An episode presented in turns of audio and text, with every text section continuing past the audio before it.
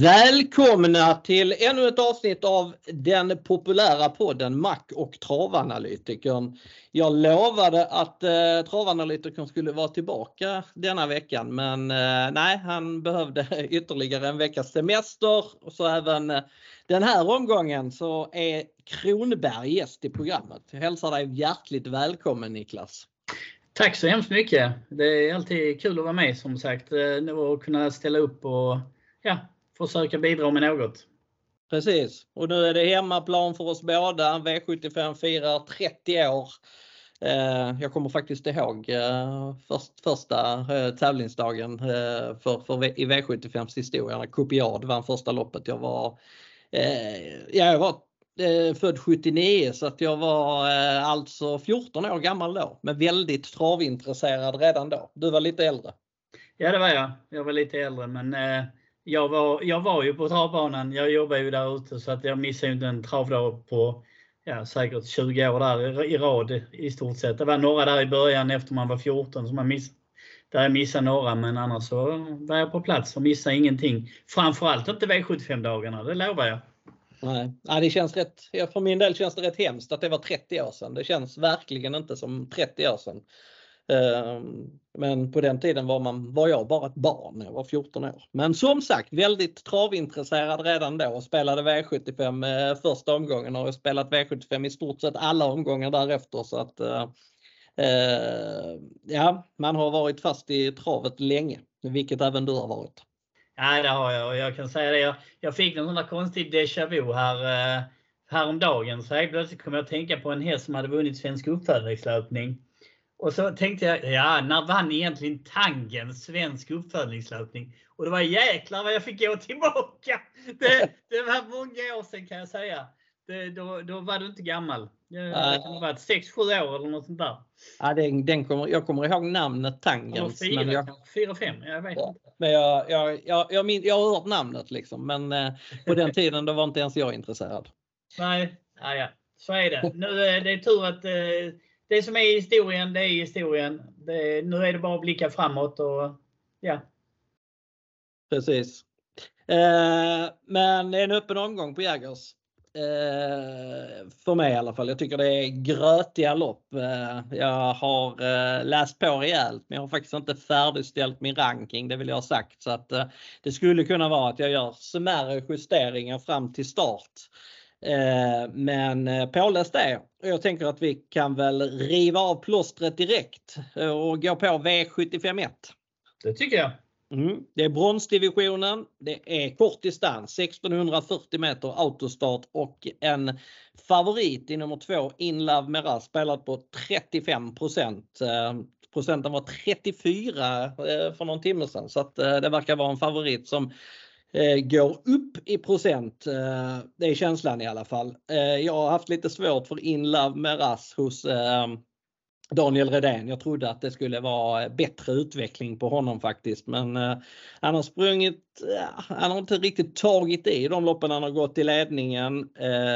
senast var dock intrycket väldigt bra. Då kördes han på chans. Eh, gick ner invändigt dryga halvvarvet från mål och blev fast med krafter kvar i en klass 1-final.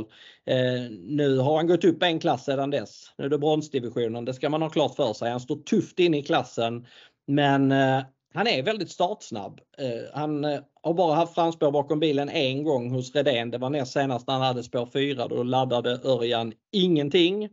Nu har han spår 2 och han spetsar faktiskt från spår 7 på, i V75 på Umeåker i maj och spetsade de tre sista starterna han gjorde i sin förra regi. Så att eh, han är väldigt startsnabb. Jag tror han tar ledningen.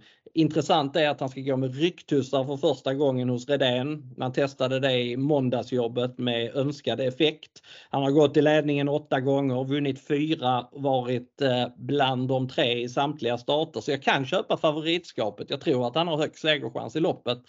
Men ändå så kanske jag tycker att eh, spelprocenten är i högsta laget så att det är absolut ingen huvudspik även om jag i nuläget rankar honom etta. Eh, ska jag gardera loppet så tycker jag att det är klart värst emot tycker jag tre Lucifer Boko är. Han satt alltså med rubbet sparat senast. Tussarna kvar mot hästar som Demon och Lozano di Quattro. och Då gick det 10-1 sista sju. Han knuffade verkligen Lozano di Quattro över mål sista biten. Även gången innan var han väldigt positiv som tvåa på 11-8 full väg bakom Lozano di Quattro. Motståndsmässigt tycker jag han går ner i klass och skulle han få ryggledaren och lycka till slut så eh, tror jag faktiskt att han vinner loppet. Han är extremt bra när han får sina resor. Eh, jag skulle vilja nämna två hästar till. Dels nummer 4 Midnight Special som gör eh, första starten för Adrian Colgini. Nu har han stått i Vomb ett tag men då har det varit eh, Helena Burman som har managerat testen. Han är också startsnabb. Skulle han komma till ledningen så är han extra gynnad. Han har gått i spets fyra gånger och vunnit tre. Det är spännande ändringar med barfota norskt och rycktussar. Eh, barfota har han gått eh, väldigt många gånger, 12 gånger med två segrar som resultat. Eh, resultat så det är inga revolutionerande nyheter men eh, eh han är ändå ganska lite spelad, 8 och från eh, eh, spets så kan han definitivt vinna loppet. Sen tycker jag att ett Enjoy Banker är spännande. Han eh, var väldigt bra vid seger näst senast. Han är ganska startsnabb faktiskt. Eh, han felade visserligen när han hade innerspår för fem starter sen, men han höll upp ledningen från spår 1 i juni i Danmark. Eh, han vann två raka i brons i sin förra regi i november-december förra året så att han står sig väl i klassen. Det råder det ingen tvekan om. Får han ryggledaren så kan han absolut vinna. Jag kan tänka mig att låsa på dessa fyra faktiskt. Eh, jag kan även tänka mig att gå ännu kortare och låsa på 2-3 eller eventuellt spika 2. Hur ser du på inledningen Niklas? Jag tycker faktiskt den är lite... Jag, jag har svårt att komma överens med inledningen helt men min första häst är Lucifer Boko utan tvekan. Jag tyckte den såg urläcker ut senast. Ilan Maras har gjort det klart godkänt. Det är intressant eh, med rycktossar såklart. Och eh, Redén, de har ju pratat om att de skulle testa det. Nu, det verkar ju då som att nu tycker de det är läge att göra det. Och det är klart att det är ju väldigt intressant information. Eh, tittar man utöver de du nämnde här så tycker jag faktiskt att det finns flera andra. Så det, det känns lite som att det är ett lopp som att antingen går jag relativt kort i loppet eller så lär jag ta väldigt många. För Eh, jag hörde Joakim Lövgren om Global Action innan idag i en intervju och jag måste säga att han lät fruktansvärt nöjd med hästen faktiskt. Eh, och den såg ju väldigt bra ut senast. Eh, där såg ut som det fanns en hel del krafter kvar också. Starten innan tyckte jag inte heller den var så tokig även om den fick ge sig sista biten. En annan häst som man kanske ska nämna upp det är Eddie the Eagle. Den har ju vunnit bronsdivisionen tidigare. Eh, då fick den ju ledningen dock, eller gjorde ett bra lopp den gången. Det var väl lite tuffare motstånd kanske då, men samtidigt det, det blir ju svårt för den att komma fram till ledningen här. Men nog tror jag att de kommer att försöka göra ett försök för det. Um, när vi nu fortsätter att nämna hästar i loppet så kan jag ju lika gärna nämna Gloucester Gladiator som faktiskt är en årstidshäst som jag ser det. Den brukar gå väldigt bra just eh, oktober, november, december brukar den kunna leverera. Och den har ju visat bra form på slutet. Sen är såklart även nummer 11 Everyday Elegant ett intressant tillskott hos Preben Sövik. Eh, sen får vi väl se om det blir med bike eller inte. Det har jag inte full koll på. Nej, jag nämnde inte Global Action och Eddie the Eagle eftersom jag tycker att båda två är överspelade. När, vad gäller Global Action så tycker jag att han är en helt annan häst när han känner att han rår på dem. Han, senast kom han till spets, det kommer han inte göra nu. Han kan vinna loppet men jag tycker, jag tror, jag har ingen feeling för att han gör det. Jag tycker att han är eh, bättre när han, eh, som sagt, när han känner att han rår på de andra hästarna. Och Eddie the Eagle, han hade åtta raka segrar inför senast när han fick ge sig mot Red Mile Brodde från spets. Han kommer säkert vara bättre med loppet i kroppen men eh, han har spår långt ut. Jag tror det är svårt att komma till favoritpositionen ledningen och därför så tycker jag att han är överspelad till 17 eh, Gloucester Gladiator, ja, han har aldrig vunnit på 1600 meter, 0 av 7. Så att det känns inte riktigt som hans distans och Everyday Elegant, ja. Eh, ja, han är, väl, han är väl tänkbar. Det kommer att bli lite hets på honom när han är så lite spelad i nuläget. Men eh, jag vill säga det först innan, han, innan, innan, innan jag hyllar honom allt för mycket. Det låter sunt. Ja, ja. Min första häst är i varje fall Lucifer Boko utan tvekan i loppet. Det kan jag säga. Ja, jag har Inlove Meras först och Lucifer Boko tvåa så vi är väl inte så långt ifrån varandra i alla fall.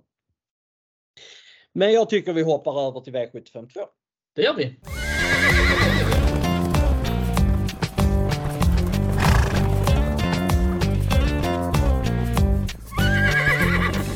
V75 2 det är ett klass 2-lopp och förutsättningarna är 2140 voltstart och här har vi en eh, favoritspelad häst i nummer 4 True Blue. Eh, tätt följd av 6 Countess Face och därefter 8 DeChambeau. Dessa tre är ganska klart mer spelade än övriga.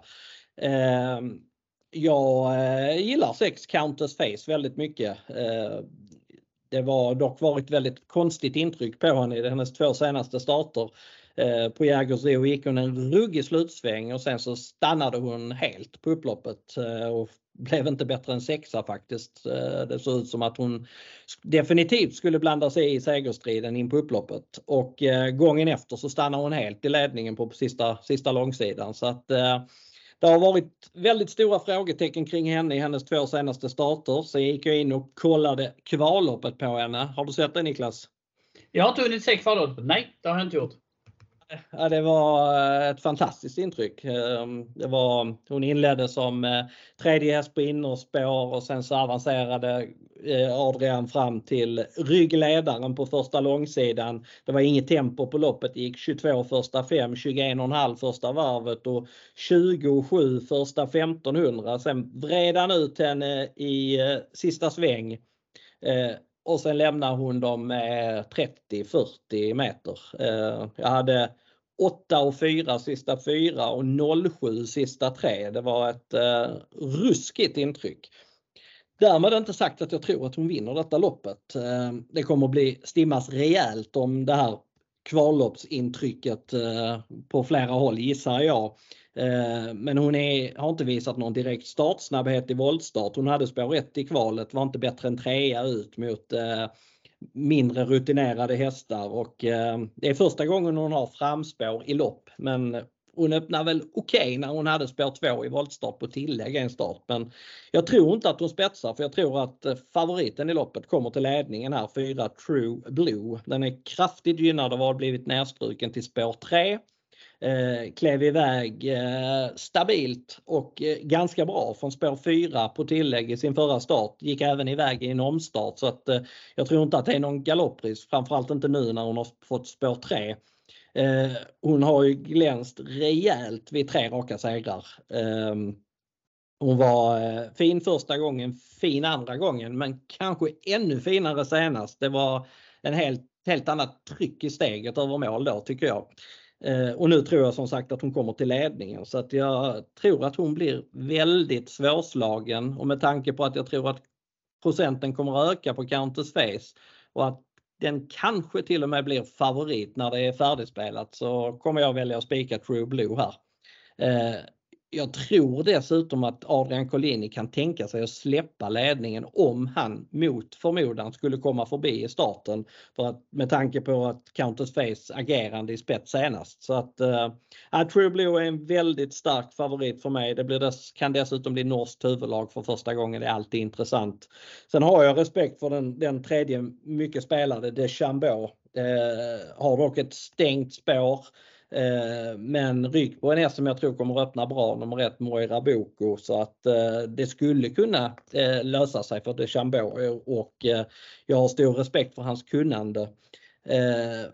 Ska jag nämna någon av övriga så är det väl ett Moira Boko. Den har gjort flera starter nu för Jerry Riordan och egentligen gått väldigt bra hela tiden. Och Eh, vi som var med på noterna för tre starter sen fick bra betalt när hon gav 14 gånger och hon vann även senast från spets. Eh, var ett bra intryck då. Det var 12,5 sista sju. Eh, hon borde få ryggledaren. Hon kan absolut skrälla 4% kanske i lägsta laget. Sen är det intressanta ändringar på 11 Rayon. Det är barfota runt om, har gått så två gånger med en seger som resultat. Det, kan, det blir helstängt, rycktussar så att eh, den kan också eh, skrälla till 5 eh, Dessutom är det ju Örjan upp för första gången. Vad tror du om V752 Niklas? Jag är inne på samma första häst som du faktiskt, True Blue. Jag, jag, jag tänker så här, i och med att jag har ju varit mycket i galoppen och så vidare. Och där är det faktiskt, det jag, det jag har noterat och som också funkar inom travet är att stona, när de har blivit en 5, 6 respektive 7 år och börjar vinna lopp. Då höjer de sig något otroligt i ett antal starter hela tiden och det, det är någonting som bara stämmer överens med väldigt mycket. Alltså om man följ, följer det konsekvent och tittar på det. Och här pratar vi om alltså Countess Facet stod på tre år som jag visst, jag vet, jag har hört Adrian tidigare prata väldigt väl om henne och att det var ju en, en kanonhäst och så vidare och så vidare. Och det är det ju säkert. Vi har ju sett kapaciteten. Men än så länge så känner jag att det jag har sett på tävlingsbanan, ja, det lämnar lite, lite i övrigt att önska. Så att för mig är nummer 4 True Blue klar första häst. Jag ska in och titta på kvalet sen så att jag verkligen kanske då, men jag, jag tror inte att jag ändrar mig efter det. Men nummer 4 True Blue första häst, nummer 6 Countess Face andra häst. Sen har jag samma tredje häst som du. Det Chambeau det är en väldigt, väldigt fin häst det också. Och, eh, nu har den kanske lite otur som möter två forms, eller i varje fall som det ser ut, två hyfsat formstarka hästar. Eh, och det är klart att det kan vara tufft och när man då går från spår 8. Nu är det ändå näs, eh, liksom en rygg på Moira Boko som ändå man kan komma bra till här. Men jag, jag vet inte. Jag, jag kommer troligen att gå mycket på fyra men det, jag kommer att gardera med på några lappar också såklart. Mm. Det är ingen skräll du vill ranka upp eller vill varna? Ja, du, nämnde, du nämnde dem jag tycker är intressanta. Där finns inget annat som känns intressant. Shallow var en häst som jag var väldigt glad för sist, eh, om jag säger så. Men den har inte haft någon större tur i Sverige om vi säger så. Så att jag är inte, jag är inte så varm på den utan det är snarare de andra du nämnde här. Eh, både Moira Boko men framförallt då kanske Rayon nummer 11 som jag tycker är intressant. Mm. Vad gäller Shallow så eh, kollar jag upp henne i voltstart eh, och hon har inte varit helt enkel i, i, i volt. Hon hade eh, springspår i debuten, då öppnade hon ingenting och eh, hon har inte varit snabb ut i övrigt heller när hon har haft framspår. Det känns som att det är klar vingelrisk från det yttre springspåret. Och två Alessio är ganska mycket betrodd. Det var ett eh, väldigt bra intryck senast men då ska man tänka på att det var första gången med jänkarvagn. Nu är det voltstart och jag åker den vanliga vagnen på igen så att eh, det känns inte jättehett för mig. 9 Tug of War ska gå barfota runt om. Det kan vara småintressant men han gick barfota runt om tre gånger förra året med resultaten diskad 0-6 så att eh, det var ingen hit då. Eh, och jag tycker att han behöver visa lite mer för att eh, jag ska ranka upp honom på V75. Det verkade Johan Unterstein också tycka. Jag hörde en intervju med honom innan. Han, han sa det att den måste, den måste höja sig avs, avsevärt eller, flera, flera, eller något snäpp med den här barfotabalansen för att den ska kunna vara med och räcka till där. Så att han lät väl inte så jätte, jätteuppåt på den. Även om han nu tyckte ändå att den skulle kunna gå ett vettigt lopp så att säga. Mm. Man ska tänka på det. Han har gjort 24 starter och vunnit 7. Det ser imponerande ut. Men han har bara vunnit ett lopp på svensk mark. Övriga sex segrar är tagna i Estland. Så att det Nej, den, eh, den sträcker jag inte tidigt om jag säger så. Eh, men det var väl jag känner mig klar med V75 2 och är redo för att gå vidare till gulddivisionen. Jag har redan bläddrat vidare. Ja, vad bra.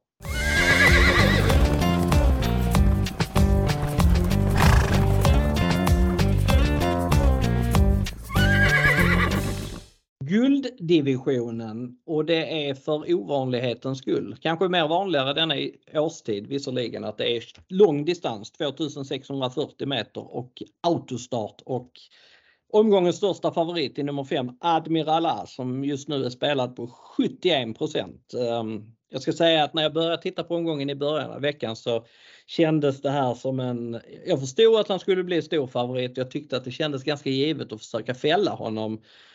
Sen har jag läst på loppet lite mer och eh, inser väl också att det är ju risk att han släpps till spets i tidigt skede. Och, eh, skulle så bli fallet så är det klart att det är troligt eller klar risk att han vinner loppet.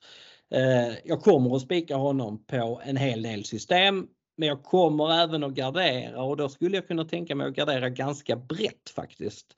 Eh, han, spetsstriden här är väldigt viktig. Jag var inne på att tre Hierro Boker skulle kunna komma till spets. För kommer han till spets så tror jag inte att Jorma Kontio släpper till Admiral As.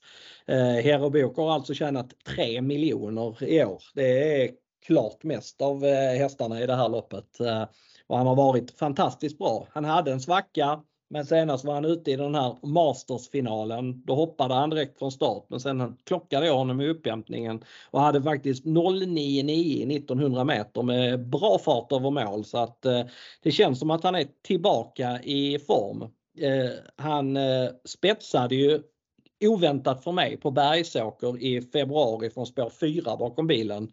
Skulle han öppna lika bra som han gjorde då och tidigt ställa en fråga mot två Unico Broline så är det inte omöjligt att han släpps till spets. Unico Broline var visserligen tvåa i det här loppet i fjol från just ledningen men eh, han är väl allra vassast på kortare distanser. Full väg ska det nog helst vara. Och han har bara fått ett lopp i kroppen så det är väl inte omöjligt i alla fall att Erik släpper ledningen även till Herr och Bok och även om han såklart önskar att få ryggen på Admiral As.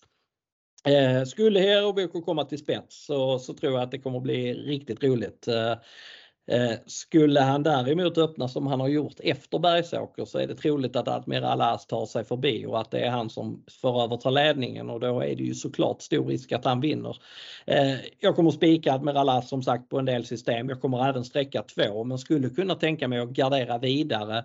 Unico Broline som jag nämnde, han gick eh, klart bra i sin mini-comeback senast. Jag hade någon eh, runt, runt 08,5 sista 400 meterna. Så det var, det, var, det var klart bra. Han borde få ryggledaren här och han kan vinna absolut sträckat på typ 6 eh, Power, han imponerar ju stort när han vann SM näst senast. Jag hade alltså 0,63 sista fem på honom då. Eh, sen hamnade han i dödens i masterfinalen och var ursäktad.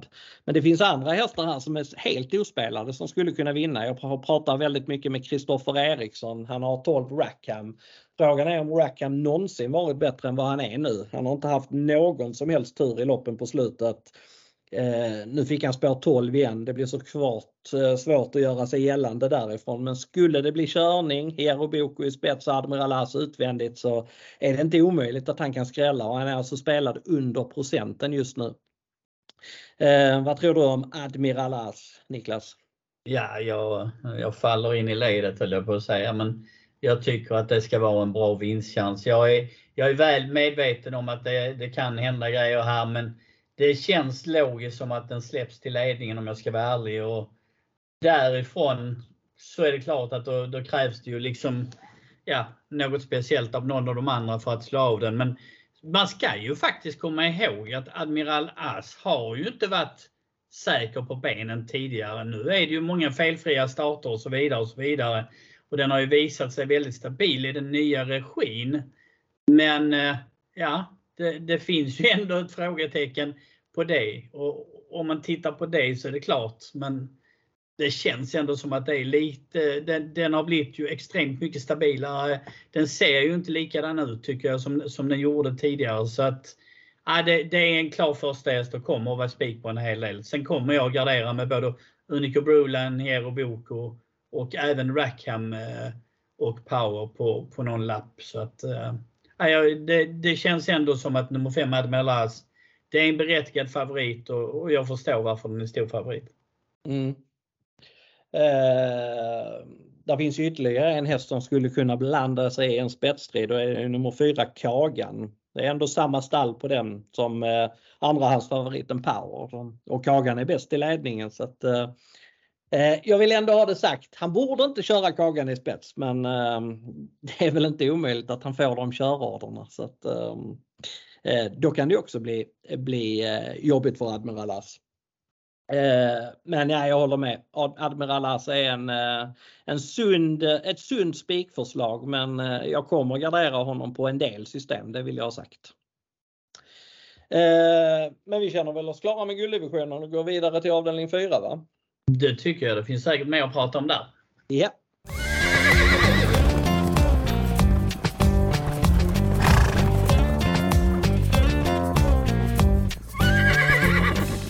V75 4, det är klass 1 och det är kort distans och det är autostart och en favorit i hemmahästen 2 Warriors Tail.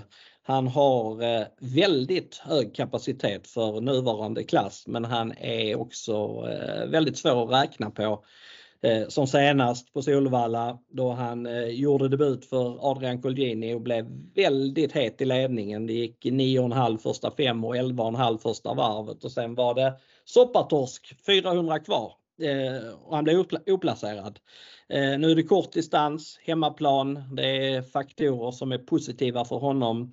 Men eh, jag vet inte om jag tycker att han ska vara favorit på, på V75 någonsin. Det är en alldeles för svår häst att räkna på.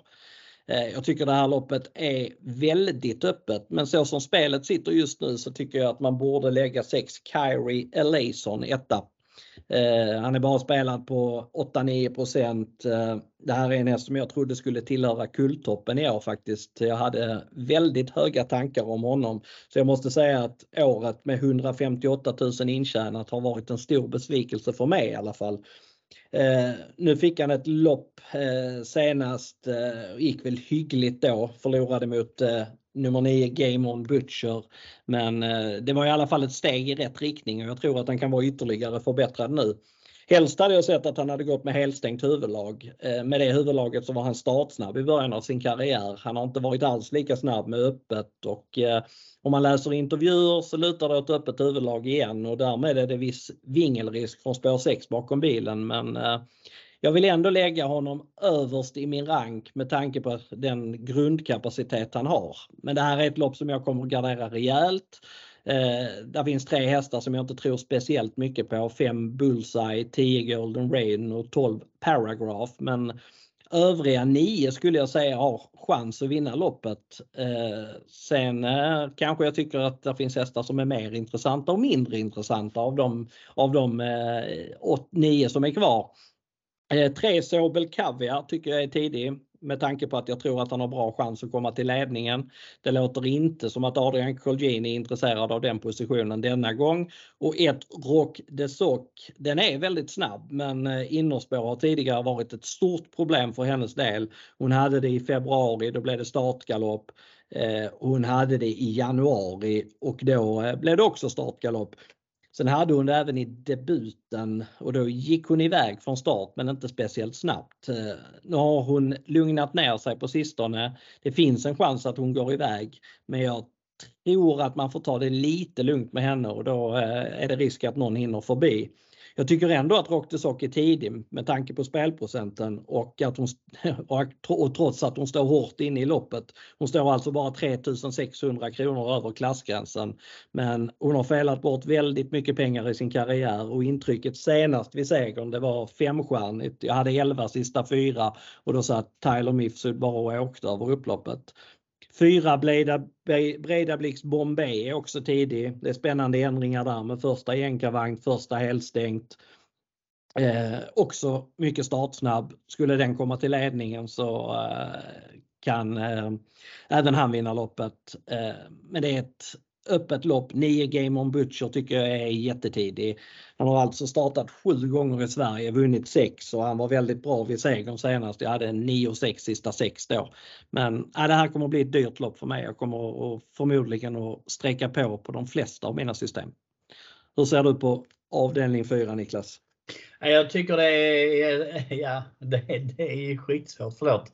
Det är extremt svårt att lösa det här loppet. Jag, jag tror att det kommer att bli det kan bli en rejäl körning här i, i det här loppet. Och I min värld så kommer det att gynna ja, framförallt två av de hästarna du pratade om tyckte jag i varje fall. Kyrie Eliasson är såklart eh, intressant på sträckan till sina 8% men jag gillade intrycket på Game of Butcher senast. Och jag är medveten om att spår 9 är ju inte idealiskt alltså det, det, på kort distans. Men eh, jag är lite svag när Flemming Jensen han kommer till Eh, över till Sverige med sina hästar. Och är det någon av hästarna som jag tror på idag av hans så är det väl framförallt denna som jag tycker gjorde ett väldigt, väldigt bra lopp senast. Och, eh, ah, för mig så känns det just nu som att det lutar åt att den hamnar som första häst. Eh, faktiskt, därför att jag tror att loppet kan bli kört lite till den. Så att, eh, ah, klart intressant, men jag kommer att gardera på loppet. Rock the Sock vet jag att du har pratat mycket om tidigare till mig om eh, vilken hög kapacitet du egentligen tycker att hästen har. Och eh, ja, den är klart intressant såklart på sträckan eh, den här gången, även om nu innerspåret kanske inte är ett stort plus för den så att säga. Så, eh, ja, jag, jag kommer att gardera på, men Game of Butcher är min första häst som det ser ut just nu. Mm.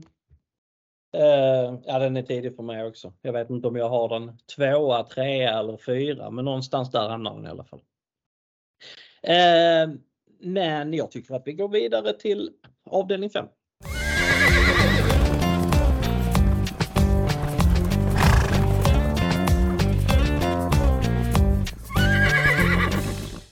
V755 det är diamantstoet och det är full väg autostart och en favorit i ett Carity. Det tycker jag är en ganska dålig favorit faktiskt. Ehm, väl medveten om att hon har varit eh, klart positiv i sina två senaste starter. Ehm, hon spetsade överraskande från mig, för mig näst senast på V75 och skrällde då till 22 gånger pengarna och låg spelprocent på V75. Och sen följde hon upp den insatsen med att vara väldigt stark som tvåa från utvändigt ledaren i sin senaste start bakom Sangria Pellini. Nu har hon spår 1 eh, och jag är tveksam till om hon kan hålla ledningen. Hon hade det på Hagmyren i juli eh, och eh, då lyckades hon väl hålla upp men det var knappt. Och sen hade hon det på Umeåker i april och då blev hon över. Sen hade hon det på Rättvik i november förra året och spetsade hon. Eh, sen hade hon det på, eh, i oktober ehm, på Solänget och då blev hon över. Så att eh, nu möter hon snabba, en snabb häst i två Ninja Zon. Jag tror att om André trycker på gaspedalen så, så kommer han ta en längd på Carity och då känns Carroty väldigt ehm, sårbar. Sen är det anmält barfota runt om på Carity. Det kan man ju tycka är intressant men jag tycker att det känns eh, klart tveksamt. Hon har alltså gått barfota runt om 11 gånger. Och det har slutat med hela 9 galopper. Eh, en andra plats som bäst. Så att eh, nej den balansändringen den tycker inte jag är positiv. Så att eh, Nej, Carity vinner den då eh, ser mina system inte speciellt bra ut på lördag. Jag tycker det är ganska givet att tro på två Ninja Zon efter intrycket i regidebuten för eh, André Eklund förra gången.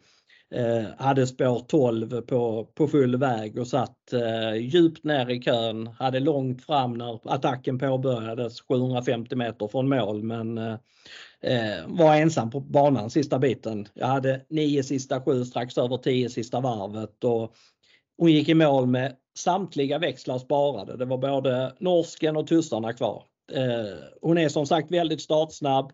Vann diamantstoet redan i sin förra regi. Då var det 1600 meter. Det, då hade hon innerspår, höll ledningen och slog en så pass bra häst som Fabulous Bellini. Så att eh, redan på vad hon visade i förra regin så hade jag tyckt att hon hade varit väldigt intressant här. Eh, och nu känns det dessutom som att hon är bättre i regi André Eklund. Så att eh, för mig så är detta ganska given första häst till 19 eh, Jag tycker dock att det finns hästar som, man, som är värda att gardera med om man, om man inte vill spika Ninja Zon och då är det framförallt 11 Lady Beluga som eh, är en riktig vinnarhäst och som har varit väldigt rejäl och snabb vid två raka segrar. När senast så kördes hon lite på styrka och då avgjorde hon enkelt, hade 12 sista 1300. Senast hade hon alltså en mil fram i sista sväng men flög lågt över upploppet och eh, han fram till seger. Det var Nanny's Girl var trea i samma lopp och hon hade då eh, ett försprång på 20 meter i starten. Eh, Dock visade klockan bara 10 och 2 sista fyra så att det var väl kanske en kombination av att de andra stannade där framme. Eh, men avslutningen var femstjärnig och Lady Beluga ska såklart räknas även här. Eh, 9 Olga Utka tycker jag är märkligt lite spelad faktiskt. Eh, hon var ändå betrodd mot bra hästar på bra hingstar på V75 i lördags. Hon gjorde det okej okay som fyra Eh, då var det skor och vanlig vagn och det pratade vi om i podden förra gången vilket minus det var. Nu blir det mer optimalt barfota fram och jänkarvagn och hon var ju väldigt bra vid spurtseger näst senast. Jag hade underkant 10 sista 7 den gången. Hon är helt klart för lite spelad nu. Eh, Sen finns det riktiga skrällbud i loppet som typ 7 Collier IT som vid segern för fyra starter sen slog både 11 Lady Beluga och 10 Nova Meiron. Stod i sju gånger då. Nu har hon spelat på 2-3 procent, Det är ju alldeles för lite det finns faktiskt på kartan att hon kan spetsa trots spår 7 om Ninja om André Eklund bakom Ninja Zon skulle välja en mer defensiv taktik första biten och kommer Colliorite till ledningen, ja då är hon helt plötsligt ett tidigt segerbud. Jag tycker även att 3 Nannies Girl till 1 och 8 Def Staffordil till 1 är väl lite spelade men uh, jag kommer som sagt spika Ninja Zon. Det kan även vara att jag låser på 3 hästar, 2, 9, 11 men uh, det kommer finnas system där jag garderar bredare i det här loppet också. Hur ser du på V755? Jag gissar att du tror på Ninja Zon också.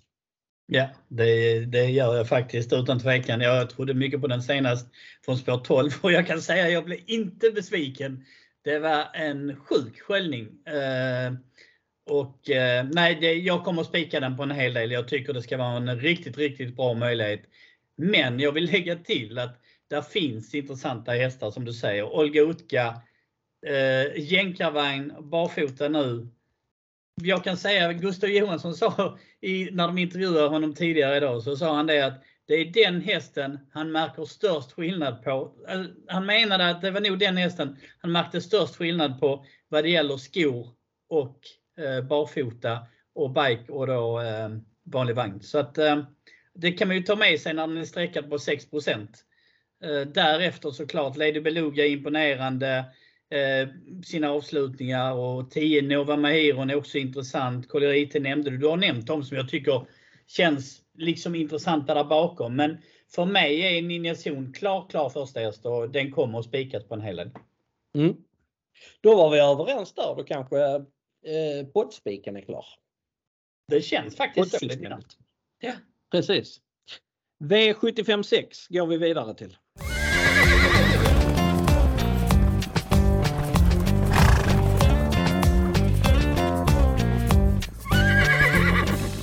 V75 6, det är alltså ett långlopp 3140 meter voltstart 14 hästar numera efter strykningen på två Vision of Gideon fördelade på tre volter och vi hittar favoriten på eh, den tredje volten. Det är nummer 13 Even Steven. Han är visserligen ganska knapp favorit. Eh, spelad på 20-21 eh, jag tycker att kanske att det här är rätt favorit faktiskt. Ehm, jag tror att han har eh, med knapp marginal högst segerchans i loppet. Jag ehm, snackade med Flemming Jensen inför Lunden-starten för tre starter sedan och då sa han att Even Steven var bättre än någonsin. Då var jag lite besviken på honom. Han gick utvändigt om Eddie Deagle då och var bara fyra. Sen gången efter gick han också utvändigt om Eddie Deagle och var utan chans att slå denne då men var tvåa i mål. Sen senast då var det snack om att det skulle vara första barfota. Eh, så blev inte fallet. Han gick fortsatt eh, bara barfota bak. Eh, så är han anmäld nu också. Men däremot så kan det bli rycktussar och det var ett tag sedan han gick med dem. Till, enligt Flemming Jensen är det ett stort plus. Det är inte roligt med spår 5. Han riskerar att tappa lite första biten. Men han är väldigt spurtstark och kör Flemming bara i tid så tror jag att han har en god möjlighet att vinna loppet. Jag kommer dock inte att spika honom. Jag känner, det känns som att det här är ett lopp där jag kommer att gardera ganska så rejält på många lappar. Ska jag dra fram några hästar så är det eh, kanske framförallt 6 Eagle Rock som jag var lite smått besviken på förra gången. Han såg helt iskall ut på, på sista långsidan faktiskt. Han var slagen redan dryga halvvarvet från mål men sen eh, höll han ändå farten godkänt och var trea i mål. Han hade haft ett uppehåll in, inför det. Han kommer att vara bättre med det loppet i kroppen och han imponerar ju stort när han vann på 3654 meter på um, Vaggeryd i somras. Då var en så pass bra häst som Versace Face chanslös att ta tillägg på honom. Eh, nu tror jag inte att han kommer till ledningen denna gången som var fallet då, men han är eh, väldigt bra och till 10% så tycker jag definitivt att man ska ta med honom. Men det finns andra hästar som är tidiga här. 9 Bottnas Idol har varit väl trög i två starter efter uppehåll. Jag trodde han skulle vara bättre senast, men det visade sig att han behövde ytterligare ett lopp i kroppen. Han kommer förmodligen att vara bättre nu och är tidigt segerbud. 12 Let It Be VP Eh, gjorde debut för eh, Claes Svensson senast. Så stark ut utvändigt ledaren genom slutsvängen men eh, fick dålig effekt, effekt när Claes ryckte norsken så att han, han snarare stannade när, när så blev fallet och blev bara fyra i mål. Nu byter man huvudlag, förmodligen blir det öppet. Man rycker skorna, det är Örjan upp den tycker jag är spännande. Och sen vill jag nämna en riktig skräll och det är nummer 14 Amazing Justice som eh, har vunnit två lopp på, på svensk mark på senare tid. Vann bland annat KG Bertmarks från ryggledaren till skrällots för tre starter sedan. Men sitt bästa lopp gjorde eh, han senast efter galopp. Eh, jag hade 10-2 sista 900 med full fart över mål bakom bra hästar. Han eh, klarar distansen. Han var derby tvåa i Norge förra året så att det här är en eh, riktigt bra häst i grund och botten. Jag tycker att eh, 1-2 på honom det är definitivt i lägsta laget. Vad gäller spetsstriden här så är det många som tror att fem hashtag Simoni bara ska sitta i spets tämligen omgående. Det är jag inte alls säker på för jag tycker att fyra Swish the Cash är väl så snabb. Och jag tror helt enkelt att hashtag Simone får svårt att ta en länk på, på eh, Swish the Cash. Eh, jag tror dessutom inte att Adrian Colgjini är så sugen på att släppa ledningen med Swish the Cash. Så skulle han ha hittat formen igen det kan ha varit nyttigt att han fick ett 1600 meters lopp i kroppen förra gången så kan han också definitivt eh, räcka till seger här. Ska jag nämna en häst till så är det 11 Innovation Love som gick bra mellan hästar i lördags. Eh, Eh, det var Ready Tonight som vann det loppet från ledningen och han är klart på, på G i alla fall. Eh, vad tror du om långloppet? Vilken tipsetta har du? Min tipsetta? Jag tycker det är ett öppet lopp men min tipsetta den tror jag leder från start till mål. Okej. Okay. Det är nummer fyra, Swish the Cash. Ja, jag, det här, jag tycker det är ett intressant lopp. När man tittar så här lite bakåt, Swish Cash, det vet ju du också, den, den har ju visat klar osäkerhet och sådant tidigare. Eh, och, och, det är precis som Eagle Rock är den häst som mm, kanske inte alltid, det är två hästar med väldigt hög kapacitet, men eh, kanske inte alltid eh, ja, levererar eller travar hela vägen rättare sagt. Men eh, om man går tillbaka lite, jag tycker alltid det är intressant att titta lite när hästar mötts tidigare och så vidare. Går man tillbaka och tittar, nu är det lång tid tillbaka, men förra året eh, så mötte den ju faktiskt eh, en sådan häst som Bottnas Idol Eh, i februari på lång distans. Och eh, då stod de med lika start och galopperade Swish the Cash och tappade en 60-70 meter minst. Eh, och var, ja den var ju klart slagen i mål men den var inte 60-70 meter efter i mål kan jag säga och den var tvåa. Eh, nu är det alltså 40 meters tillägg för Bottnas Idol. Jag kan inte tänka mig att utvecklingskurvan är så pass extrem så att det skiljer så mycket mellan dem idag. Så att jag tycker att Swish the Cash är en eh, väldigt intressant första häst i loppet eftersom jag tror att den går till spets. Det är en häst som jag vet att de har hållit högt tidigare i stallet. Nu, nu vet jag dock, nu läste jag någonstans att Adrian kanske lät lite lägre på den på grund av insatsen senast. Men eh, jag tänker att den kommer att göra ett bättre lopp nu över lång distans. Eh, för mig är det en intressant första häst i ett annars väldigt öppet lopp. Jag tycker du nämnde de intressanta hästarna bakom. Eagle Rock, eh, Bottnas Idol är såklart ett streck. Annars hade jag inte tyckt att Swish the Cash skulle vara så pass tidig. Även Let It Be, VP, Even Steven är ju hästar som ska med. Och jag hade faktiskt också ögonen uppe på din stora luring här, Amazing Justice, som eh, ja, den är ju bara sträckad på 1% och det är klart att det, det är ju lockande när man sitter där. Så garderas det på så garderas det på rejält. Men det, det här kan vara en eh, häst, eller det kommer vara en häst som jag kommer att ta och spika på, där jag jagar lite stor, större pengar så att säga med spikarna. Som typ med guldjakt och så vidare. Mm. Jag kan tillägga att Wish the Cash har gjort två starter som vallack. Ofta tar det ett litet tag innan eh, de förstår att de blivit kastrerade så att eh, det skulle kunna vara så att det är proppen ur nu. Det tycker jag inte känns alldeles omöjligt. Eh, men jag känner mig klar med, med långloppet och är redo att hoppa över till silverdivisionen. Då går vi över till sista avdelningen då.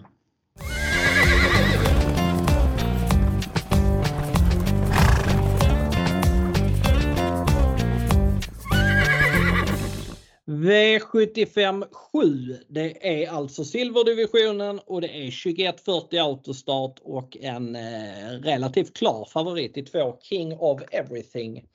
Eh, King of Everything är ju en häst med en väldigt hög högsta nivå men det, jag tycker det skiljer ganska mycket från hans bästa lopp till hans sämsta lopp och senast så var han väl inget extra från spets. Eh, han fick ge sig mot 11 Deborah SH som är 1% i det här loppet. Eh, Eh, kan vara, då var han tränarkörd, han gick med vanlig vagn, eh, han blev eh, väl vass i spets, fick öppna 7,5 första fem och 10,5 första varvet och det blev lite soppatorsk sista biten helt enkelt. Nu blir det bike på. Han har gått i biken sju gånger och vunnit tre. Det är helt klart ett plus. Men det är full väg denna gången. Jag tror att Carl-Johan Jeppsson kommer köra hästen i ledningen och jag tycker att han är mer sårbar när han går i spets. Eh, han har gjort väldigt bra lopp i ledningen, det ska tilläggas, men eh, eh, han har även svarat för rena rama platsmatcher för den positionen också. Jag har faktiskt ingen känsla för honom här. Alltså han är inte speciellt tidig i min ranking. Eh, jag har tjatat om en häst i det här loppet i stort sett eh, hela våren, sommaren och hösten och det är nummer 5 Rossi Garline.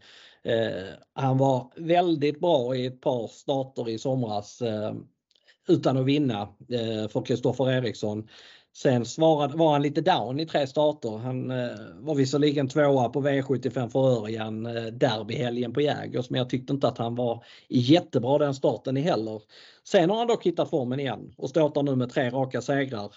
Han eh, var ute på opassande kort distans senast. Eh, då testade Kristoffer att släppa av honom lite mer från början. Han var faktiskt trea ut då mot snabba hästar och eh, fick dödens. Det är en bra position för honom. Ehm, och avgjorde med lätthet sista biten. Jag hade 9 och 2 sista sju. Nu är det full väg igen. Det är normalt sett ett klart plus för honom. Eh, jag vill kanske helst inte se honom utvändigt ledaren men jag tror att han skulle klara av att gå där även i, även i silver. Eh, men det, hade, det mest perfekta hade varit om Kristoffer kunde hitta andra, tredje utvändigt eller någonting och, och sen att han kunde styra på 700-800 kvar. Då tror jag att Roselbard Garline blir svår att stå emot. Eh, jag kommer att spika Rosse Garline på en del system här. Eh, ska jag gardera honom så är det väl främst Glamorous Rain nummer 10. Eh, som stod så har hon ju en kraftig fördel. Hon har tjänat 5,5 miljoner för att alltså möta silverhästar upp till 1,7 miljoner. Och historiskt sett så har man sett att dessa ston har hävdat sig väldigt, väldigt bra i silver. Hon såg dessutom väldigt fin ut som fastlåst i eh, stoeliten senast. Gick i rygg på Felicia Zet som stumnade sista biten. Felicia Zet var visserligen tvåa men det var flera hästar på linje så att Glamorous Rain fick nöja sig med en sjätteplats. Eh, hon är tidig här eh, men det krävs lite att de kör loppet åt henne för att, hon ska, eh, att hennes spurt ska bita riktigt bra. Eh, skulle Carl-Johan Jeppsson välja en eh, mer defensiv taktik så finns det chans att 7 Ture LR kommer till spets och i spets så biter han ifrån sig väldigt, väldigt bra. Eh, han har chans därifrån men från övriga positioner så tror jag att han har väldigt låg vinstchans.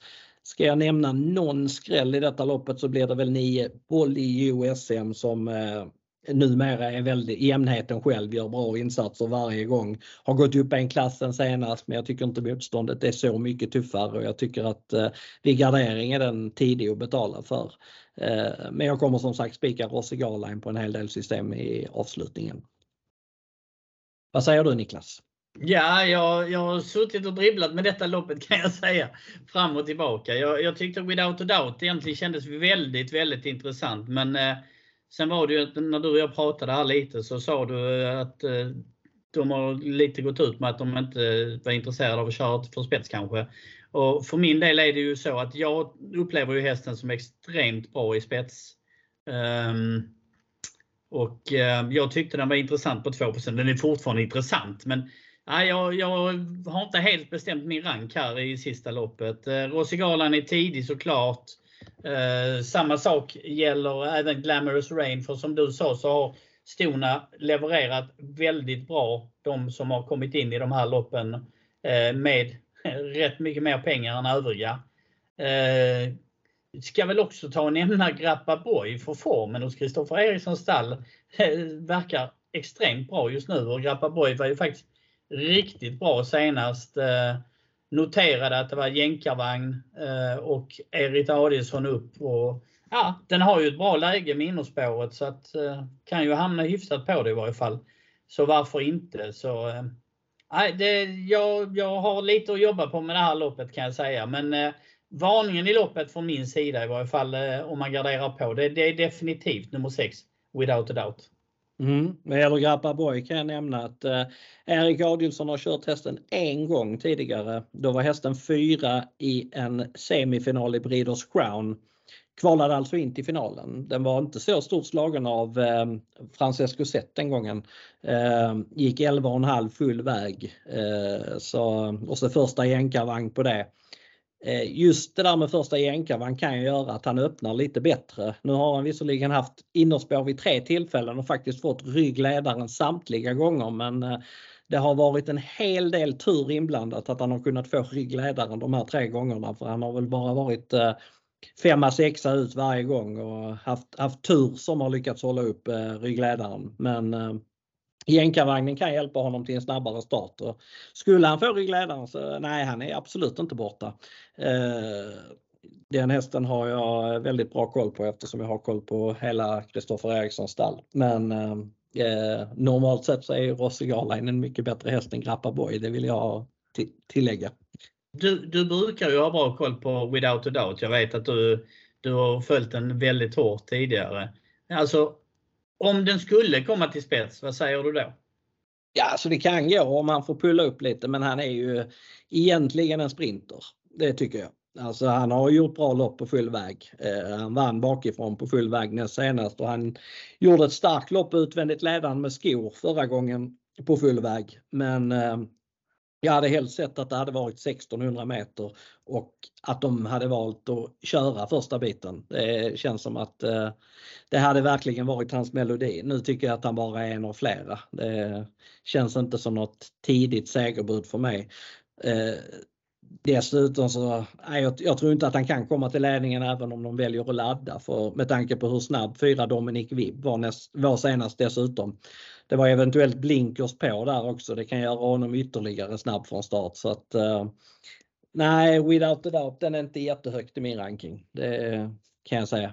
Nej, jag kanske har honom sexa eller något liknande. Sjua. Fortsatt ligga med på min i varje fall någonstans. Men jag, jag har inte full koll på som sagt var jag lägger den. Men eh, det, den känns fortfarande som intressant i loppet. Men jag håller med om Rossi Galan. Intrycket senast var ju sjukt bra faktiskt om jag ska vara ärlig. Bara, den bara gick ifrån dem och det såg ut som det fanns krafter kvar i mål också. Så att äh, den är verkligen formtoppad. Äh, så att jag, jag förstår ju verkligen varför du går på den. Men ja, som sagt, jag har inte själv äh, riktigt landat i det här loppet än. Nej. Nej, det är en, en stund till spelstopp så du hinner nog bli klar med detta loppet också. Jag hinner nog ranka fram eh, olika vinnare två, tre gånger innan, innan jag bestämmer mig i det här loppet. Precis.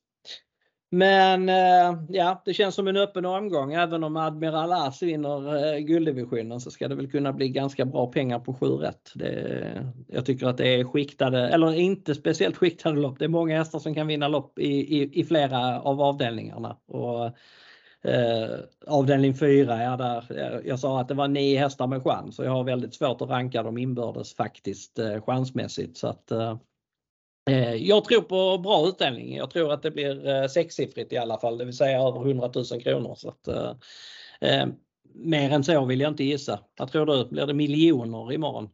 Nej, jag lägger mig på 80 000 bara för att ligga lite under. Så, att, eh, så känner jag mig trygg. För jag tänker när Ninja Zon har vunnit och Admiral, Admiral Lass har vunnit så får vi väl jobba in några skrällar i varje fall så vi hamnar där. Precis. Eh, vi har ett poddsystem som jag nämnde innan. Eh, där kommer vi förmodligen hamna på Ninja Zon, kanske även Admiral As och True Blue. Det är väl de som är tänkbara att spika känner jag. Eh, vill ni vara med på den andelen så står den på Kristoffer. Eh, den heter eh, någonting med poddsystemet och kostar 300 kronor, 12 unika andelar. Eh, sen har vi givet, Niklas och jag har andelar gemensamt, jag och Kristoffer har andelar gemensamt och sen har vi andelar på varsitt håll. Det finns mycket att välja på och ni hittar andelarna på Möllans spel och tobak. Har du någonting som du vill säga eh, som avslutningsord Niklas? Ja definitivt. Jag vill säga lycka till och eh, jag hoppas vi får en fantastiskt fin tävlingsdag. Jag menar det är ändå 30 år sedan V75 startade så att ja, det, är, det är någonting för alla racing lovers out there. Som Hanske brukar säga. Eh, men jag tackar dig för att du var med. Jag tackar samtliga lyssnare för att ni var med även denna veckan och sen så jobbar vi in sjuan på lördag.